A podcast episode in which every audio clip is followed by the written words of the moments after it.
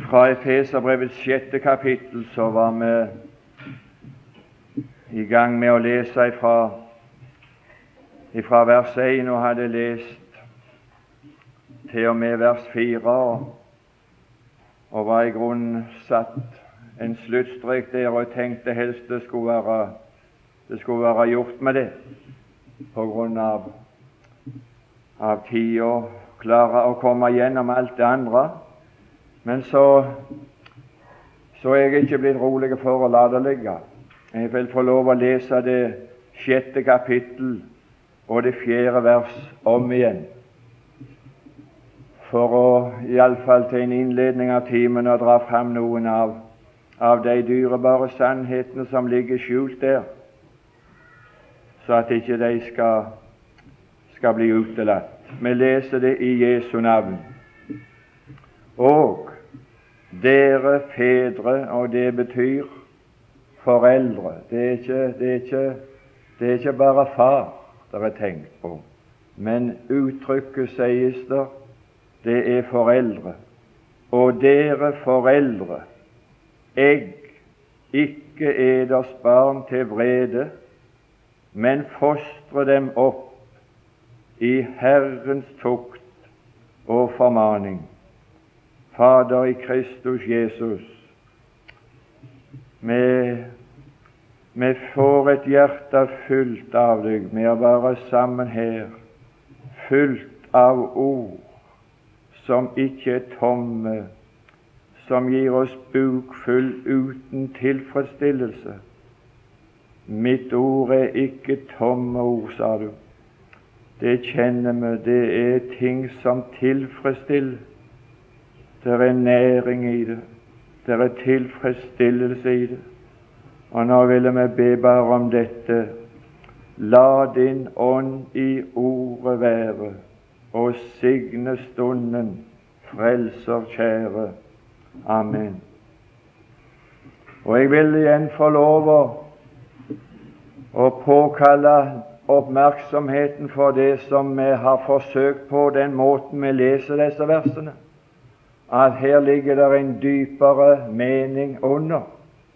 Og det er viktigere for oss å få fatt i den meningen som ligger under, enn den som ligger i overflaten, selv om den er veldig viktig også i denne forbindelse.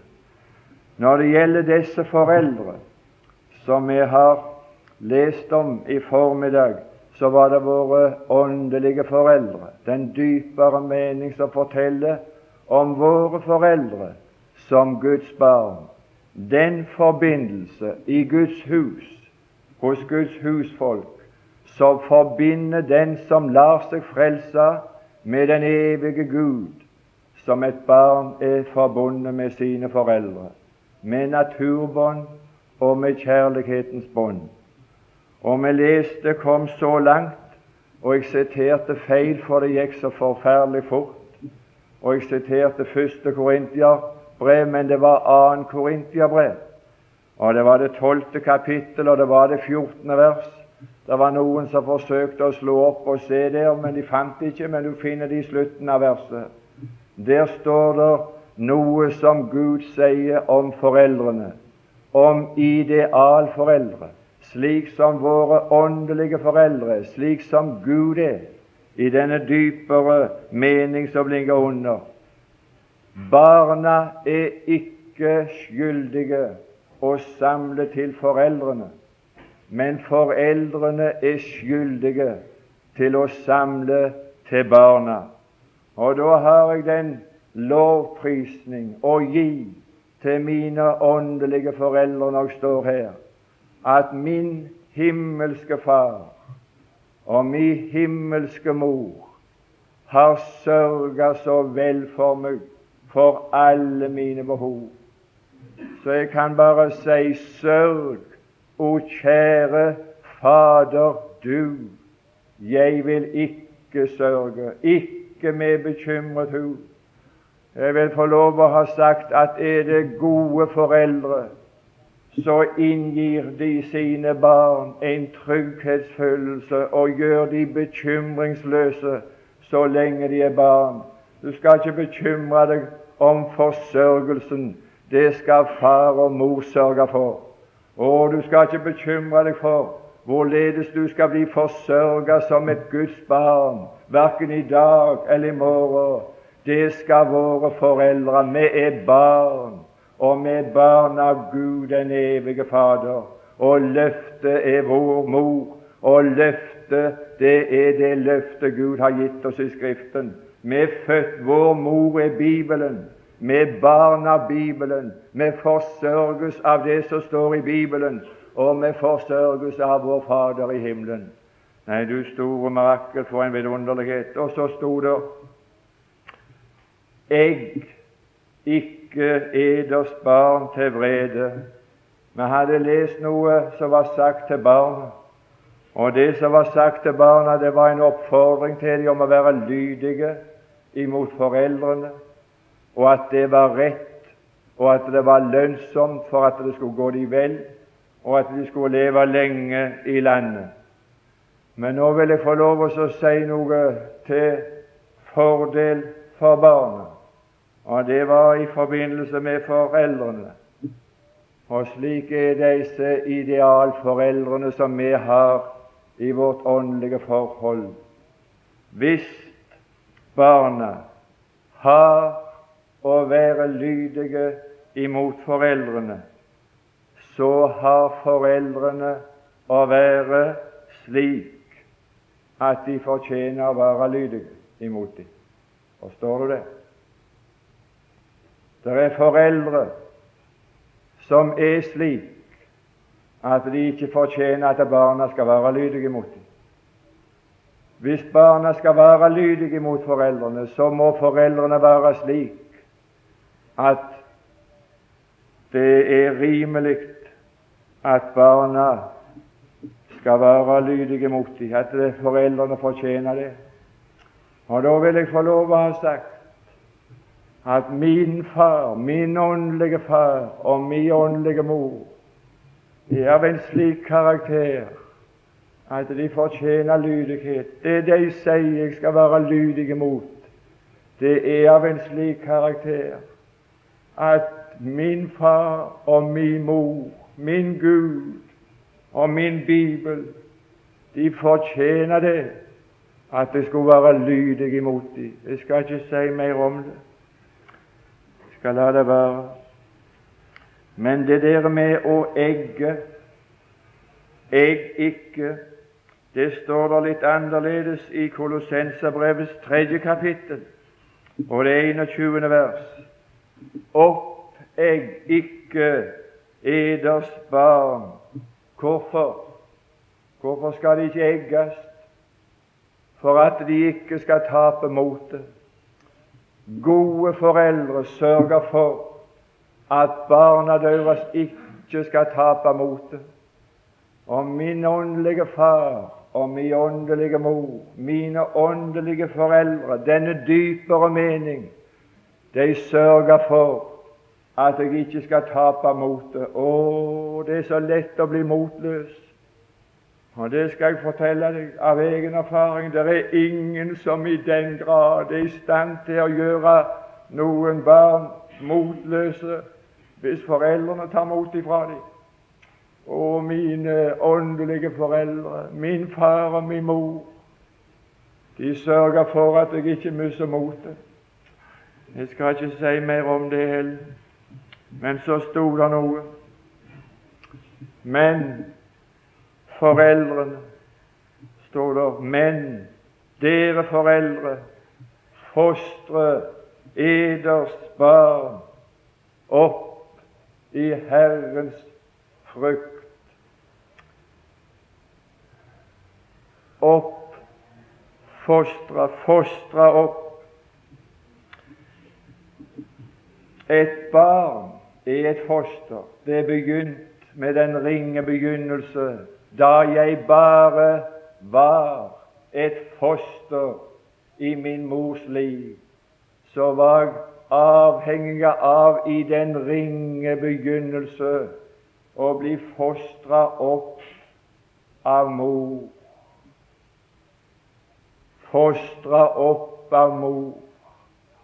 Det går an å avbryte fosterets liv før fosteret er født. Da jeg bare var et foster.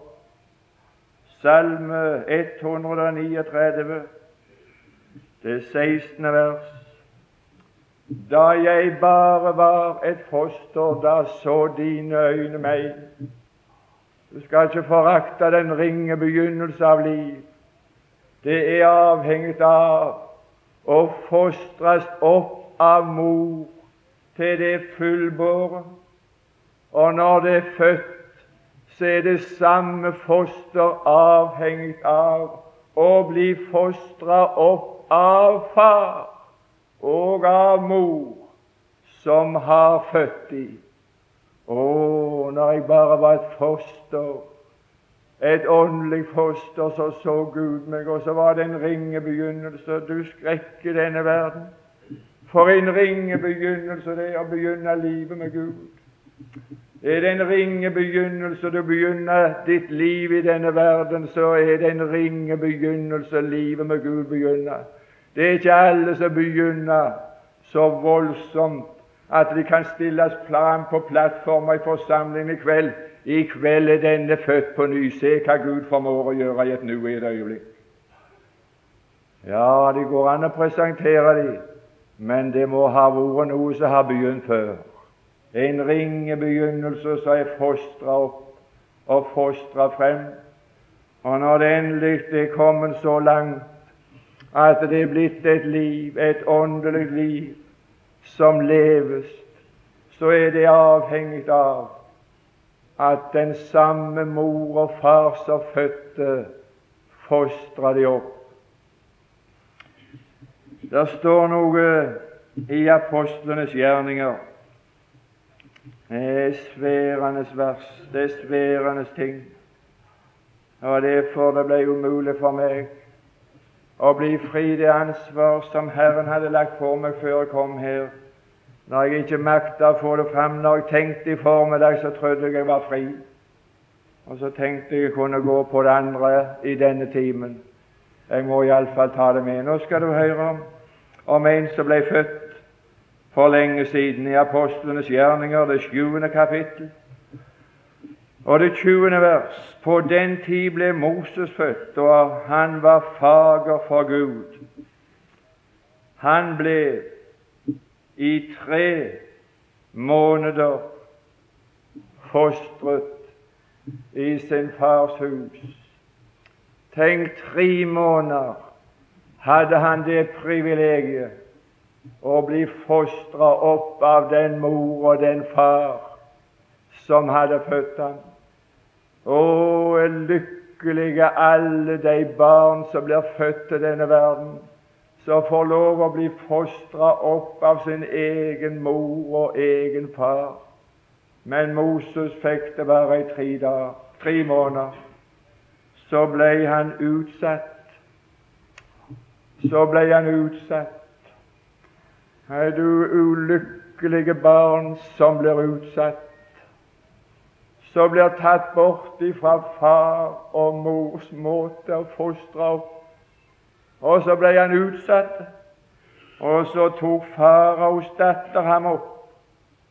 Og så fostra hun ham opp og tok ham i sønns sted. Og vet du hva hun fostra han opp i når han ble utsatt, når han ble tatt ifra foreldrene? Vet du hva han ble fostra opp i? Og Moses ble opplært i all egypternes visdom, og han var mektig i ord og gjerning, men det var en oppfostring som ikke var han til velsignelse, og ikke brakte han noen velsignelse og noen glede og noen lykke i livet. Han ble utsatt, han ble tatt ifra sine egne foreldre som hadde som burde fått fostre han opp. Og alt det han lærte under den oppfostring av Egypten i faraos hus, det var bare tomme ord. Tomme, verdiløs, undervisning, oppfostring, utdannelse, tom dyktighet, som han en dag måtte kaste ifra seg alt sammen. Du kan få et vers som jeg har notert i femte Mosebok, og det 32. kapittel og det 47. vers. Han kom en dag, og så ble han oppfostra på nytt av Herren. Og det var ikke med tomme ord. Da fikk han ord å lære. Han måtte begynne på første klasse igjen. Jeg skal ikke si noe mer om det. Det var bare et, et bilde. Jeg vil bare få lov å påkalle oppmerksomheten for at Guds ideal for alle de som Han gir liv, alle som blir født på ny, alle som blir Guds barn, de skulle ikke få lov å bare være tre måneder i fars og mors hus og bli oppfostret av far og mor. De skal slippe å bli utsatt. De skal slippe å bli opplært i Egyptens visdom og dyktighet, i verslighet. Du skal få lov Guds privilegium er at du skal få lov å få være i hjemmet hos far og mor.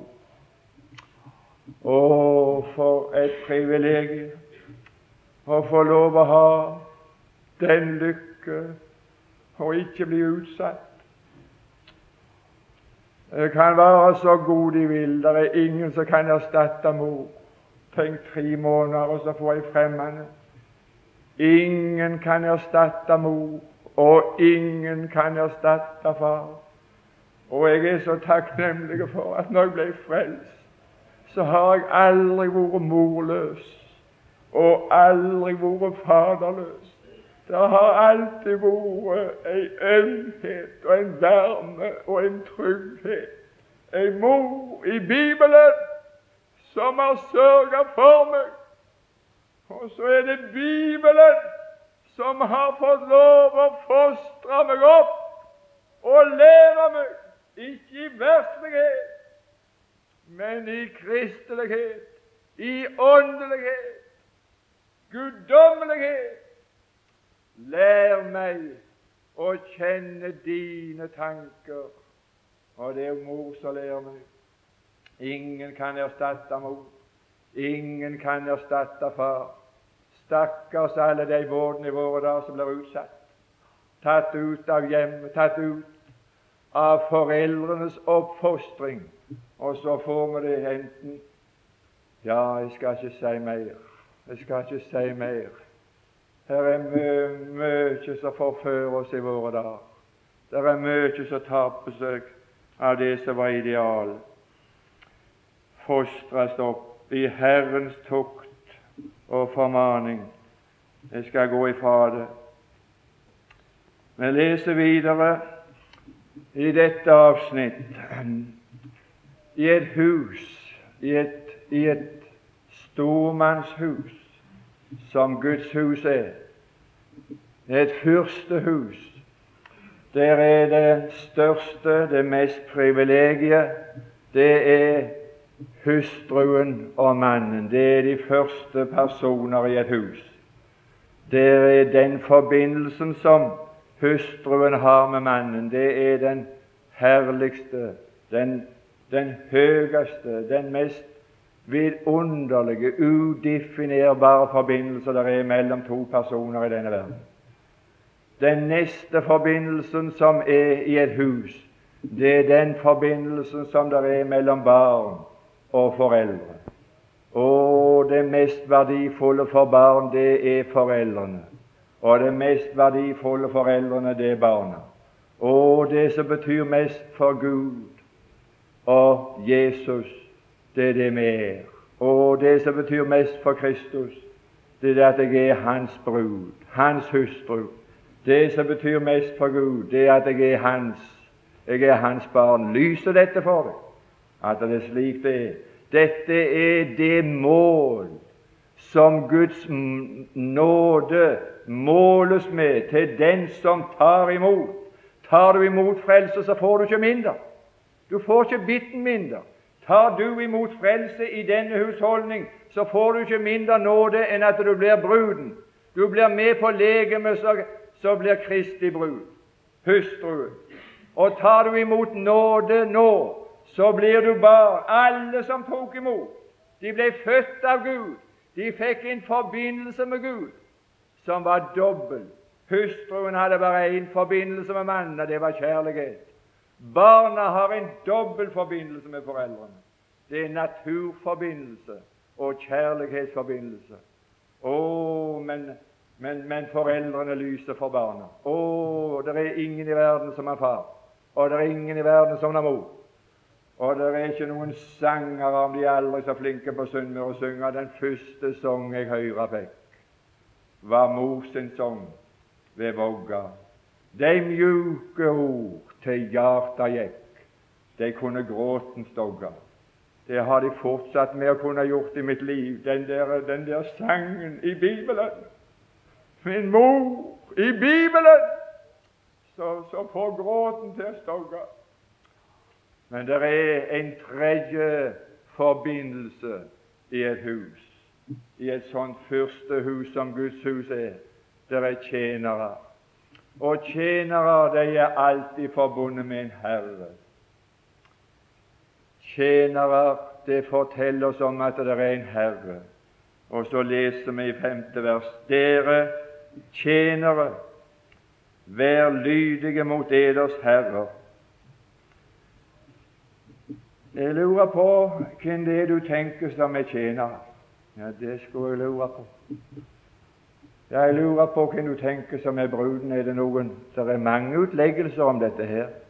Ja, jeg vil våge å påstå at det er ikke alle på alle bibelkurs og alle bibeltimer og alle kristelige møter rundt omkring i verden du får høre at alle som sier ja til Jesus, de hører med til bruden og blir med i bortrykkelsen. Jeg har lest og hørt mye rart om det. Jeg skal ikke, jeg skal ikke hefte tid med slikt.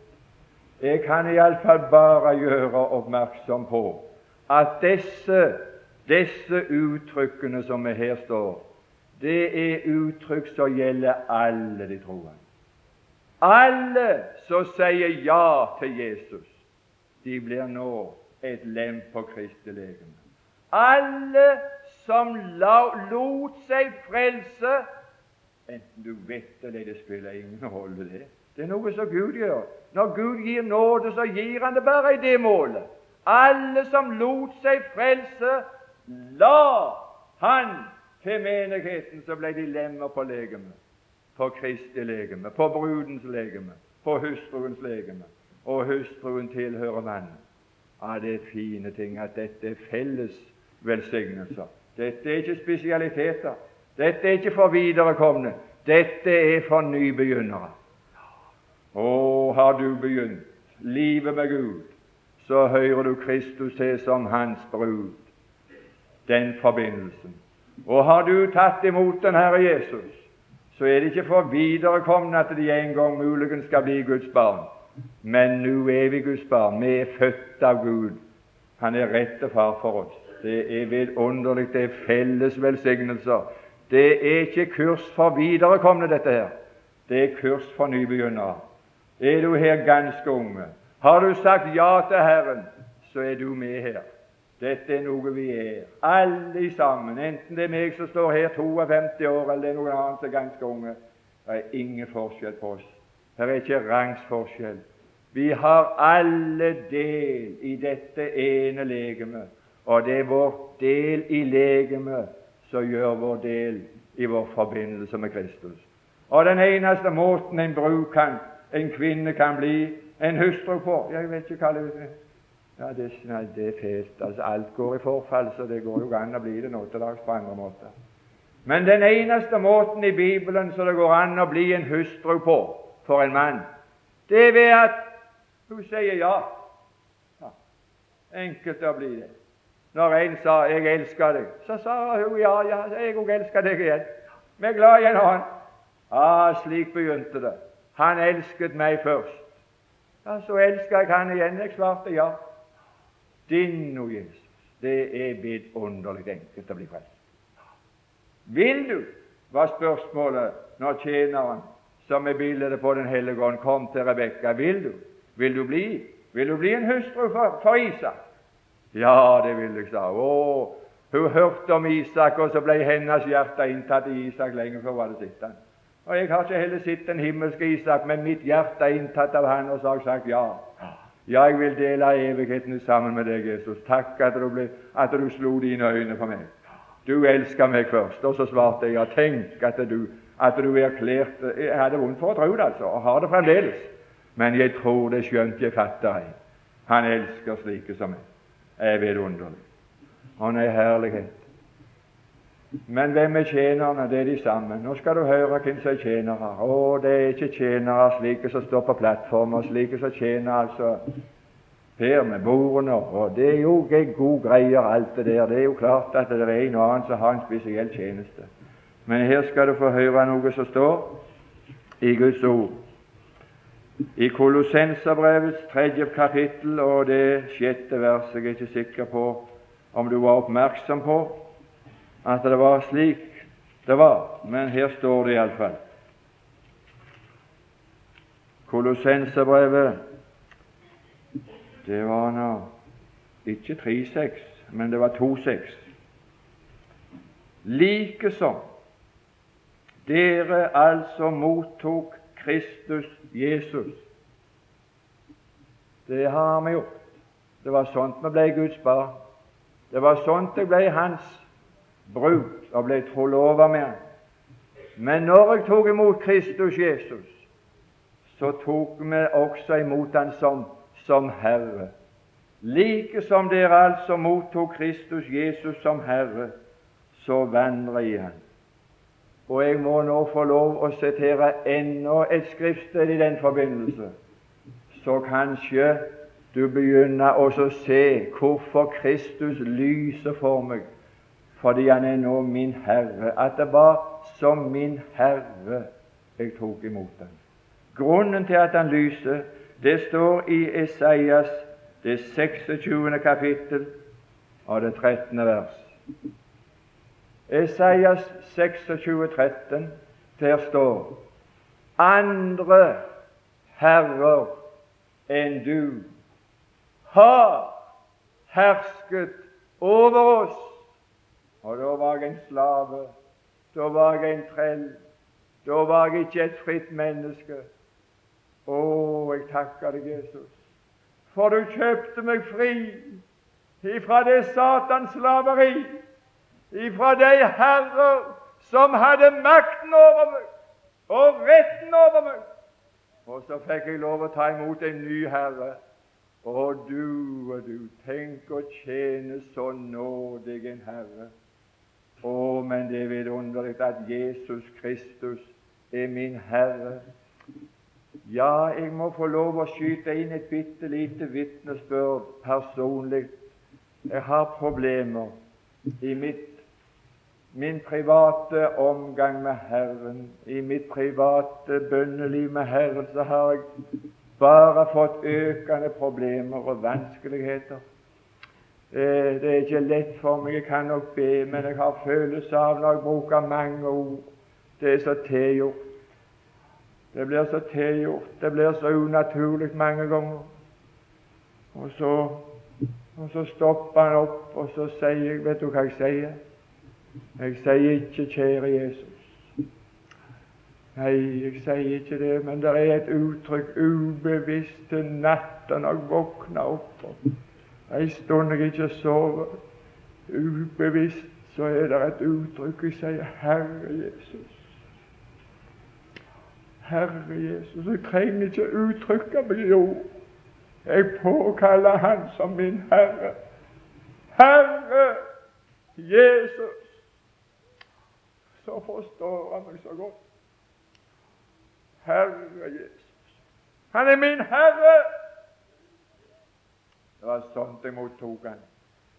Og nå sto det noe her om tjenerne, at det er grunnen altså ikke så mange trekkene som skal beskrive en tjener.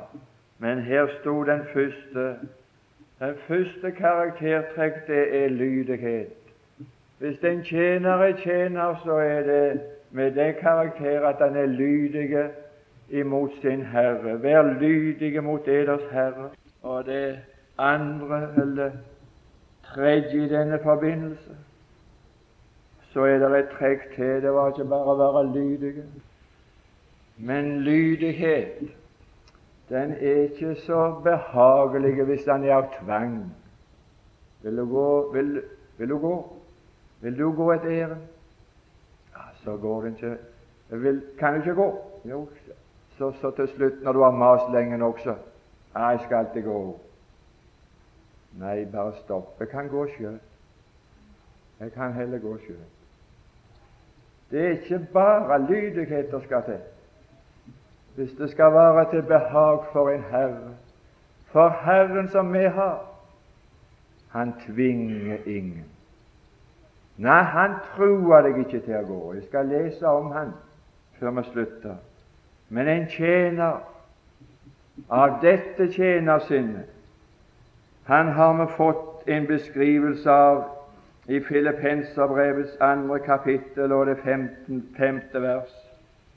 Der står det om et tjenersinn.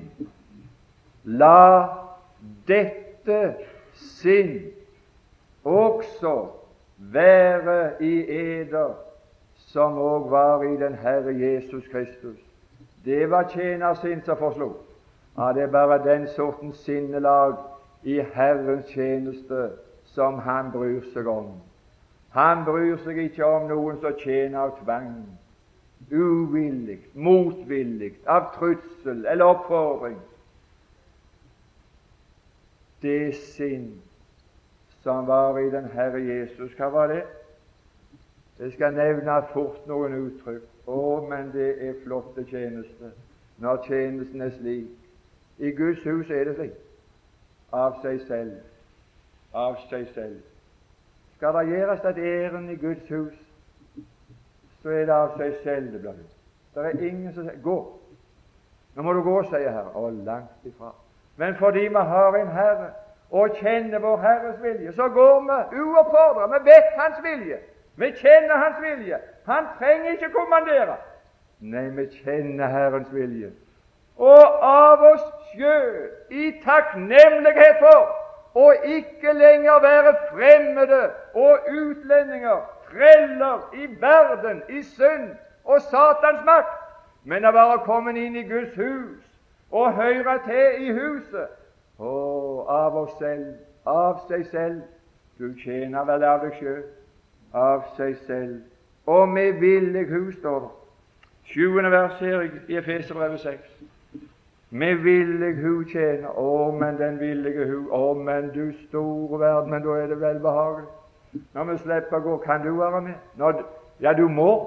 Ja, nå må vi. For dette går ikke, altså. at Hvis ikke du kommer, så står vi i beite. Å, langt ifra. Herren står aldri i beite. Han tvinger ingen, han oppfordrer ikke på den måten. Men da vi kjenner vår Herres vilje, og av oss selv det er ikke det fine saker? Når Kristus lyser for oss på denne måten, at vi vil tjene med samme sinnelag som Han, av seg selv, med villig hu, gir avkall. Han gav avkall. Det er alltid noe å gi avkall på, skal han tjene for Herren. Ja, det kan du være ganske bombesikker på. At skal det ikke skal det ikke bli snakk om å gi avkall på noe, så blir det heller ingenting som du får gjort. Jeg har det så travelt, jeg har ikke tid å være med. Ja, det har du. Men det går an å gi avkall. Ja da. Ja, nei, jeg har ikke tid, jeg har ikke råd heller. Nei, kjære folk, det der Nei, det, det, jeg kunne tjene 1000 kroner den der dagen. Nei, det går ikke an. Av seg selv. Av seg selv gav avkall. Kan tro det er noe å gi avkall på, ja. Og ja, i massevis hadde Jesus noe å gi avkall på. Og du verden, men han gav avkall. Lyser Kristus for deg at som Han tjente, er det vi skal tjene. Ja, da blir det en fin tjeneste. Han tok på seg en tjeners skikkelse.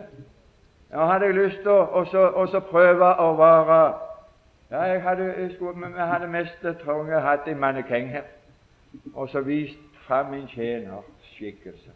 Og jeg skal prøve å male det for dine øyne, for jeg har bedre tro på ordets tjeneste enn på en sånn mannekengoppvisning.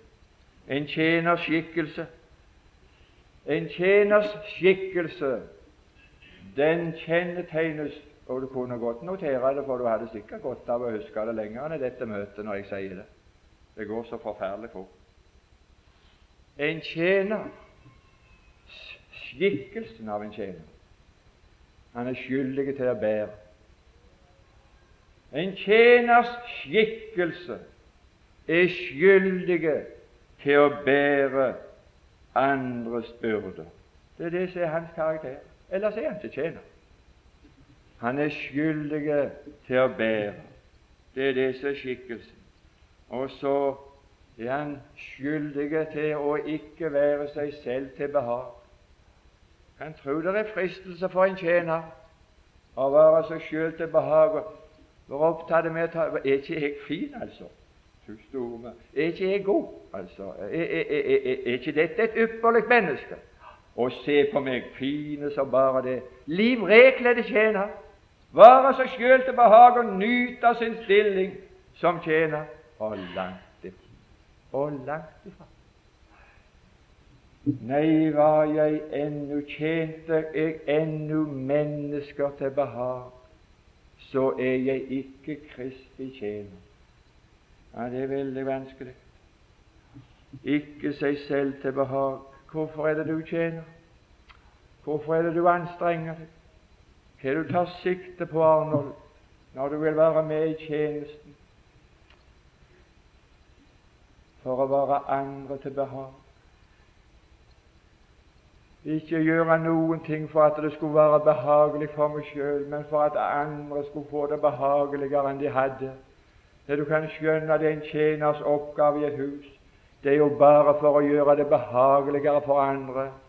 Men du skrekk i denne verden så han må svette og streve og kave for at andre skal ha det godt og behagelig. Og det er det noen på dette bibelkurs som anskueliggjør. For at vi skal ha det så behagelig godt som vi har det her med måltider, frokost, middag og kveld og kaffe, så er det andre som tjener, og de svetter. Jeg ser svetten sile og pipler. Beina så trøtte at leggene hovner. Ja, det gjør de. Springer opp og ned trappa så leggene hovner. Føttene de må ta skoene av seg om kvelden, for da er det ikke til å holde ut. Ikke seg selv til behag, men andre til behag. Således, sa Paulus, har vi gitt dere et eksempel hvorledes vi bør ved strevsomt arbeid ta oss av de skrøpelige. Å, men det er strevsomt å ta seg av skrøpelige. Å, til skrøpeligere folk er, til mer strev er det med dem. Og i dag er det mange skrøpelige i våre forsamlinger, og det kreves mye strev. Og det er mye strev på mange vis.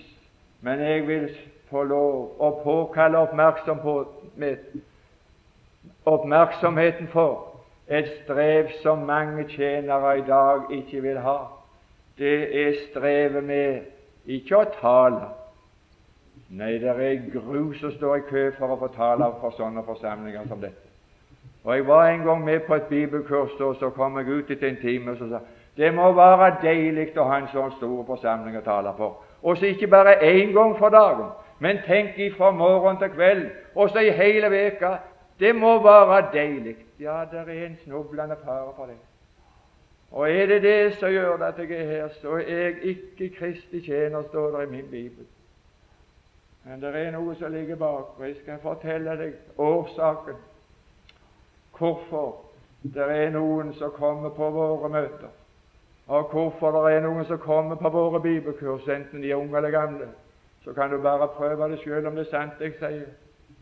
Men Det er fordi at før en kom på denne talerstolen, så ligger det tilbakelagt et arbeid som jeg sjøl bare kan karakterisere som det mest strevsomme i mitt liv.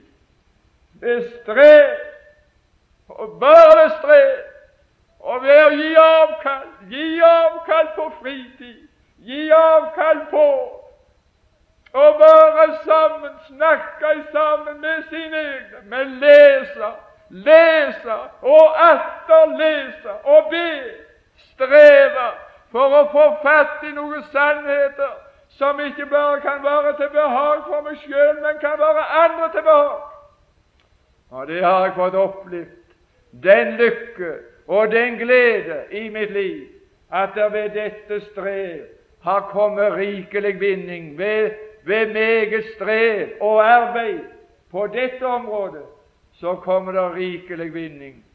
Og det er mange som har takka Gud for den hjelp de fikk. Og det er ikke jeg som fikk takke, men det er min Herre som hadde en sånn å tjene. Det er ikke jeg som får takke, men det er Herren. Og jeg vil bare få lov å være med i denne time og i denne dag under dette kurs og være med og vekke deg. Vekke deg for at når du tok imot den Herre Jesus, så tok du imot den som din Herre. Er du ulydig, eller er du lydig? Er du villig, eller er du uvillig? Må de holde på å presse på deg og true deg for å få deg med? Eller, eller er det noe av villigheten, av et villig hjerte? Så gir du avkall både ferie, fristunder Tjenesten for Herren går foran alt, foran alt, foran alt. Jeg kan ikke si mer om det. Det er noen minutter igjen, og det er det mitt privilegium å ikke tale om tjenerne, men her sto noe her i det niende vers. Og dere herrer. Og da tenker jeg ikke på herrer her. Da tenker jeg på Herren, Han som er idealherren, Han som stiller seg sjøl som et eksempel, hvorledes andre som er Herre over andre skulle være. Gjør like som mot dem, så dere lar være å true. Jeg har en Herre som lar være å true. Hvis jeg ikke vil, så kan jeg la være. Det er derfor du får sove. Det er derfor det er så mange som ikke tjener. De hører Herren til. De hører Herren til, de har liv i Gud. De kommer til himmelen når de dør, og de blir med i bortrykkelsen hvis de har liv i Gud. Men de tjener så lite. De tjener Herren så lite, og Herren trua ingen til å tjene.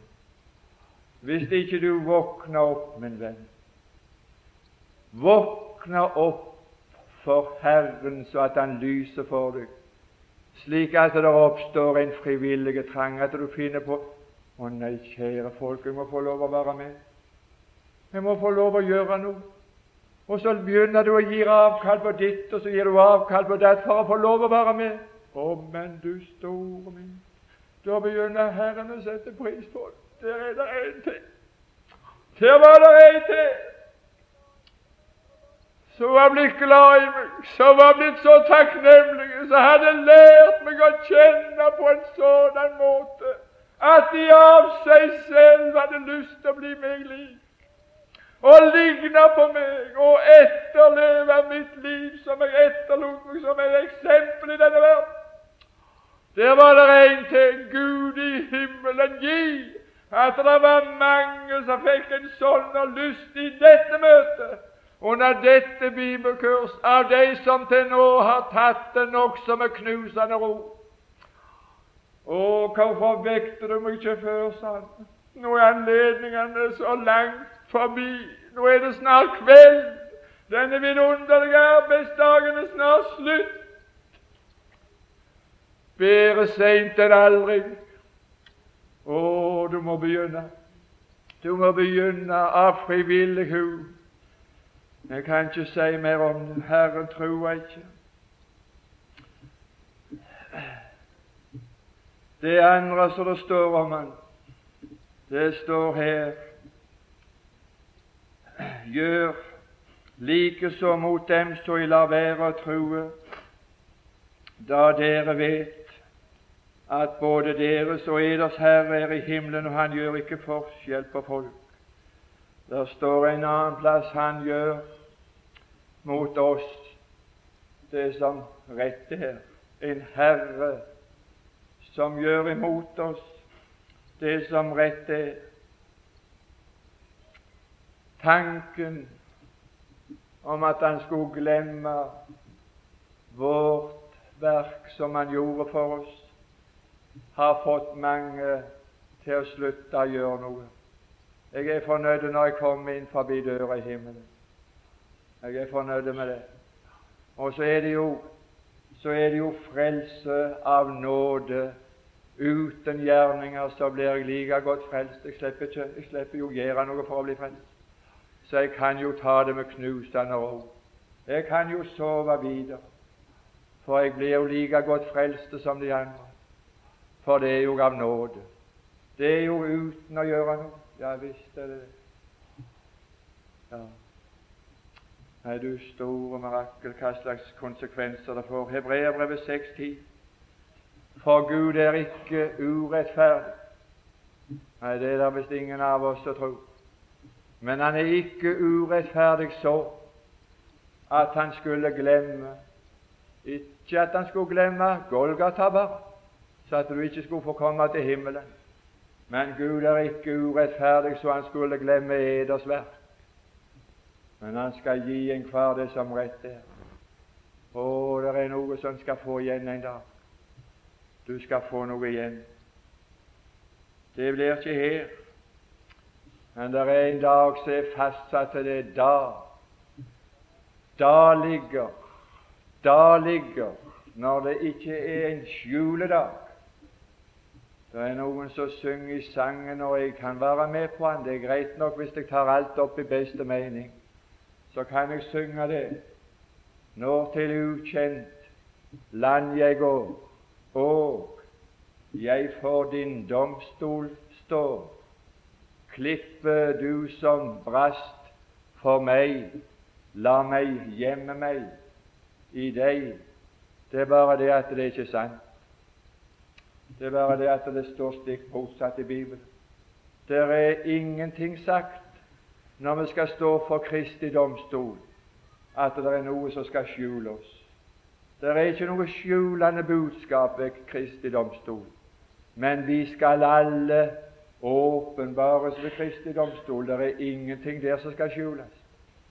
Det som gjør at vi kommer for Kristi domstol, det er at vi er frelst at vår synd er tatt bort, at vi er frelst, at vi er blitt født på ny, frelst av nåde, på vei til himmelen. Men ved Kristi domstol så skal vi åpenbares, og da skal ingen skjule seg. Da skal enhver få igjen det som er skjedd ved legemet, efter som enhver har gjort. Han kom ikke til å glemme den minste gjerning.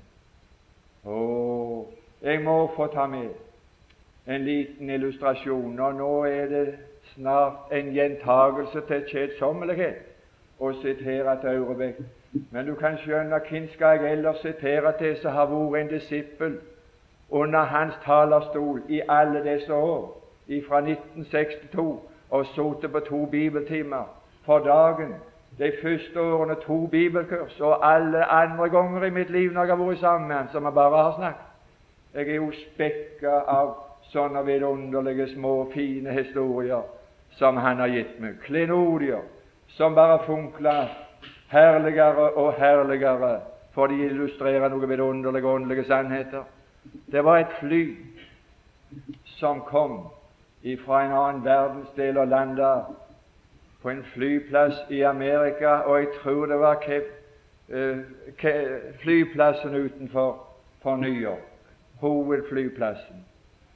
Og når det flyet landa, så var det en skare av mennesker på flyplassen i ovasjoner og begeistring som var møtt fram for å gi en verdig hyldest til et fotballag som Amerika hadde hatt i en annen verdensdel, og som kom hjem med seier.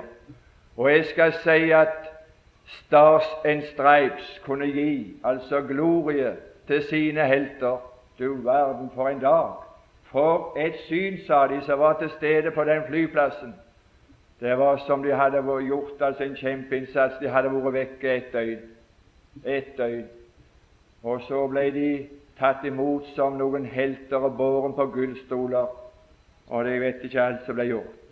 På det samme flyet var det en misjonær som hadde vært sju år ute på misjonsmarka i det samme kontinent.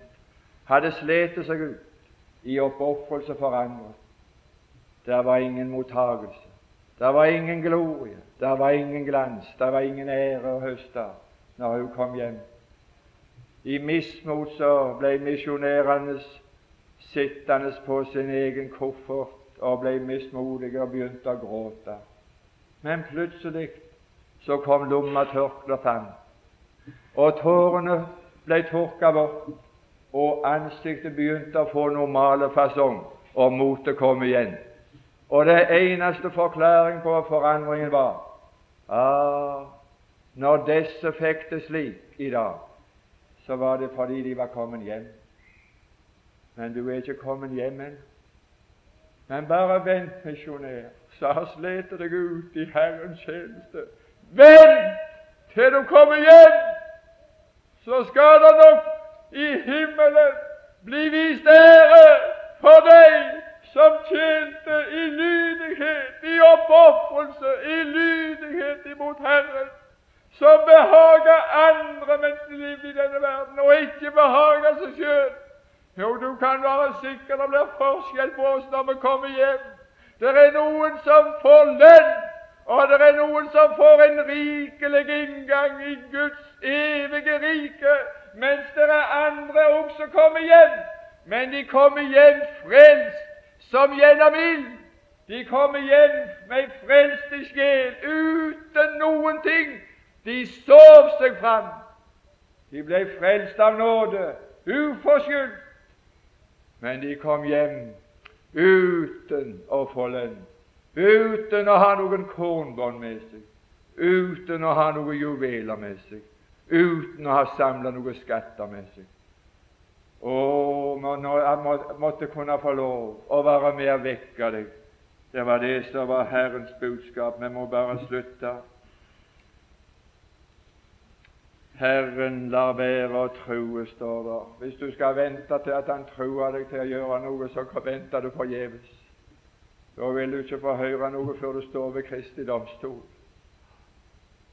Herren gjør ikke forskjell på folk, sto det. Herren gjør ikke forskjell. De skal få nøyaktig det som rett er. Enhver. Hvis han gjorde forskjell på de troende, så ville alle få likt. Så ville den som så, få like mye som den som hadde arbeidet og slitt seg ut. Men Herren gjør ikke forskjell på folk. Å, de skal få, de skal få lønn. Og det var det som gjorde at Moses gav avkall. Han så fram til lønn. Du må ikke bli opptatt med det du må gi avkall på i denne verden for å tjene Herren. Du må se fram til lønn. Og jeg vil slutte mitt vitnesbyrd og forene meg med en annen av Herrens tjenere som har gitt uttrykk for det i sangen. Tenk, tenk når de skinnende porter åpnes for bruden en gang. Tenk når vår Frelser oss favner hjemme i himmelens hall. Da hadde jeg lyst at det var noe så jeg hadde med, som kunne vitne om at jeg hadde brydd meg om at han ble min Herre at det var noe som kunne vitne om i evigheten at jeg hadde vært lydig imot ham, gjort noe av lydighet imot den Herre som frelste meg. At jeg ikke bare kom hjem tomhendt. Skal jeg nøgas tomhendt møte? Tomhendt innenfor tronen står. Ingen sjel åt honom binder. Nei, du store mirakel, er det ikke bruk for vekkelse? vekkelse blant oss som har liv som sover, som er blitt bedøvd av tidsånd og av alt det som omgir oss og tar merg og bein ifra oss. Jeg er så takknemlig for hver en gang jeg merker en innflytelse fra himmelen med større kraft og tyngde. Så drar den veien, og så, så losner det her. Vis meg min himmel, og syn meg min krans.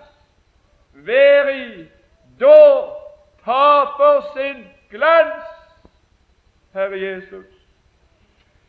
Å, du kunne du få røre med hjertene våre, Herre Jesus, så at vi ikke spilte tiden vekk, tidsfordriv, men at vi av oss sjøl, av et frivillig hjerte, fordi vi kom til sans og samling, at du lyste for oss, Jesus, så ble vi deg lydige så hadde vi lyst til å gå din ærend. Send meg. Å, la jeg få lov å gå, Jesus. La jeg få lov å være med. La jeg ikke bli gående her. Uvirksom, unyttige. Herre, vekk oss. Derfor sier Skriften, våkn opp. Amen.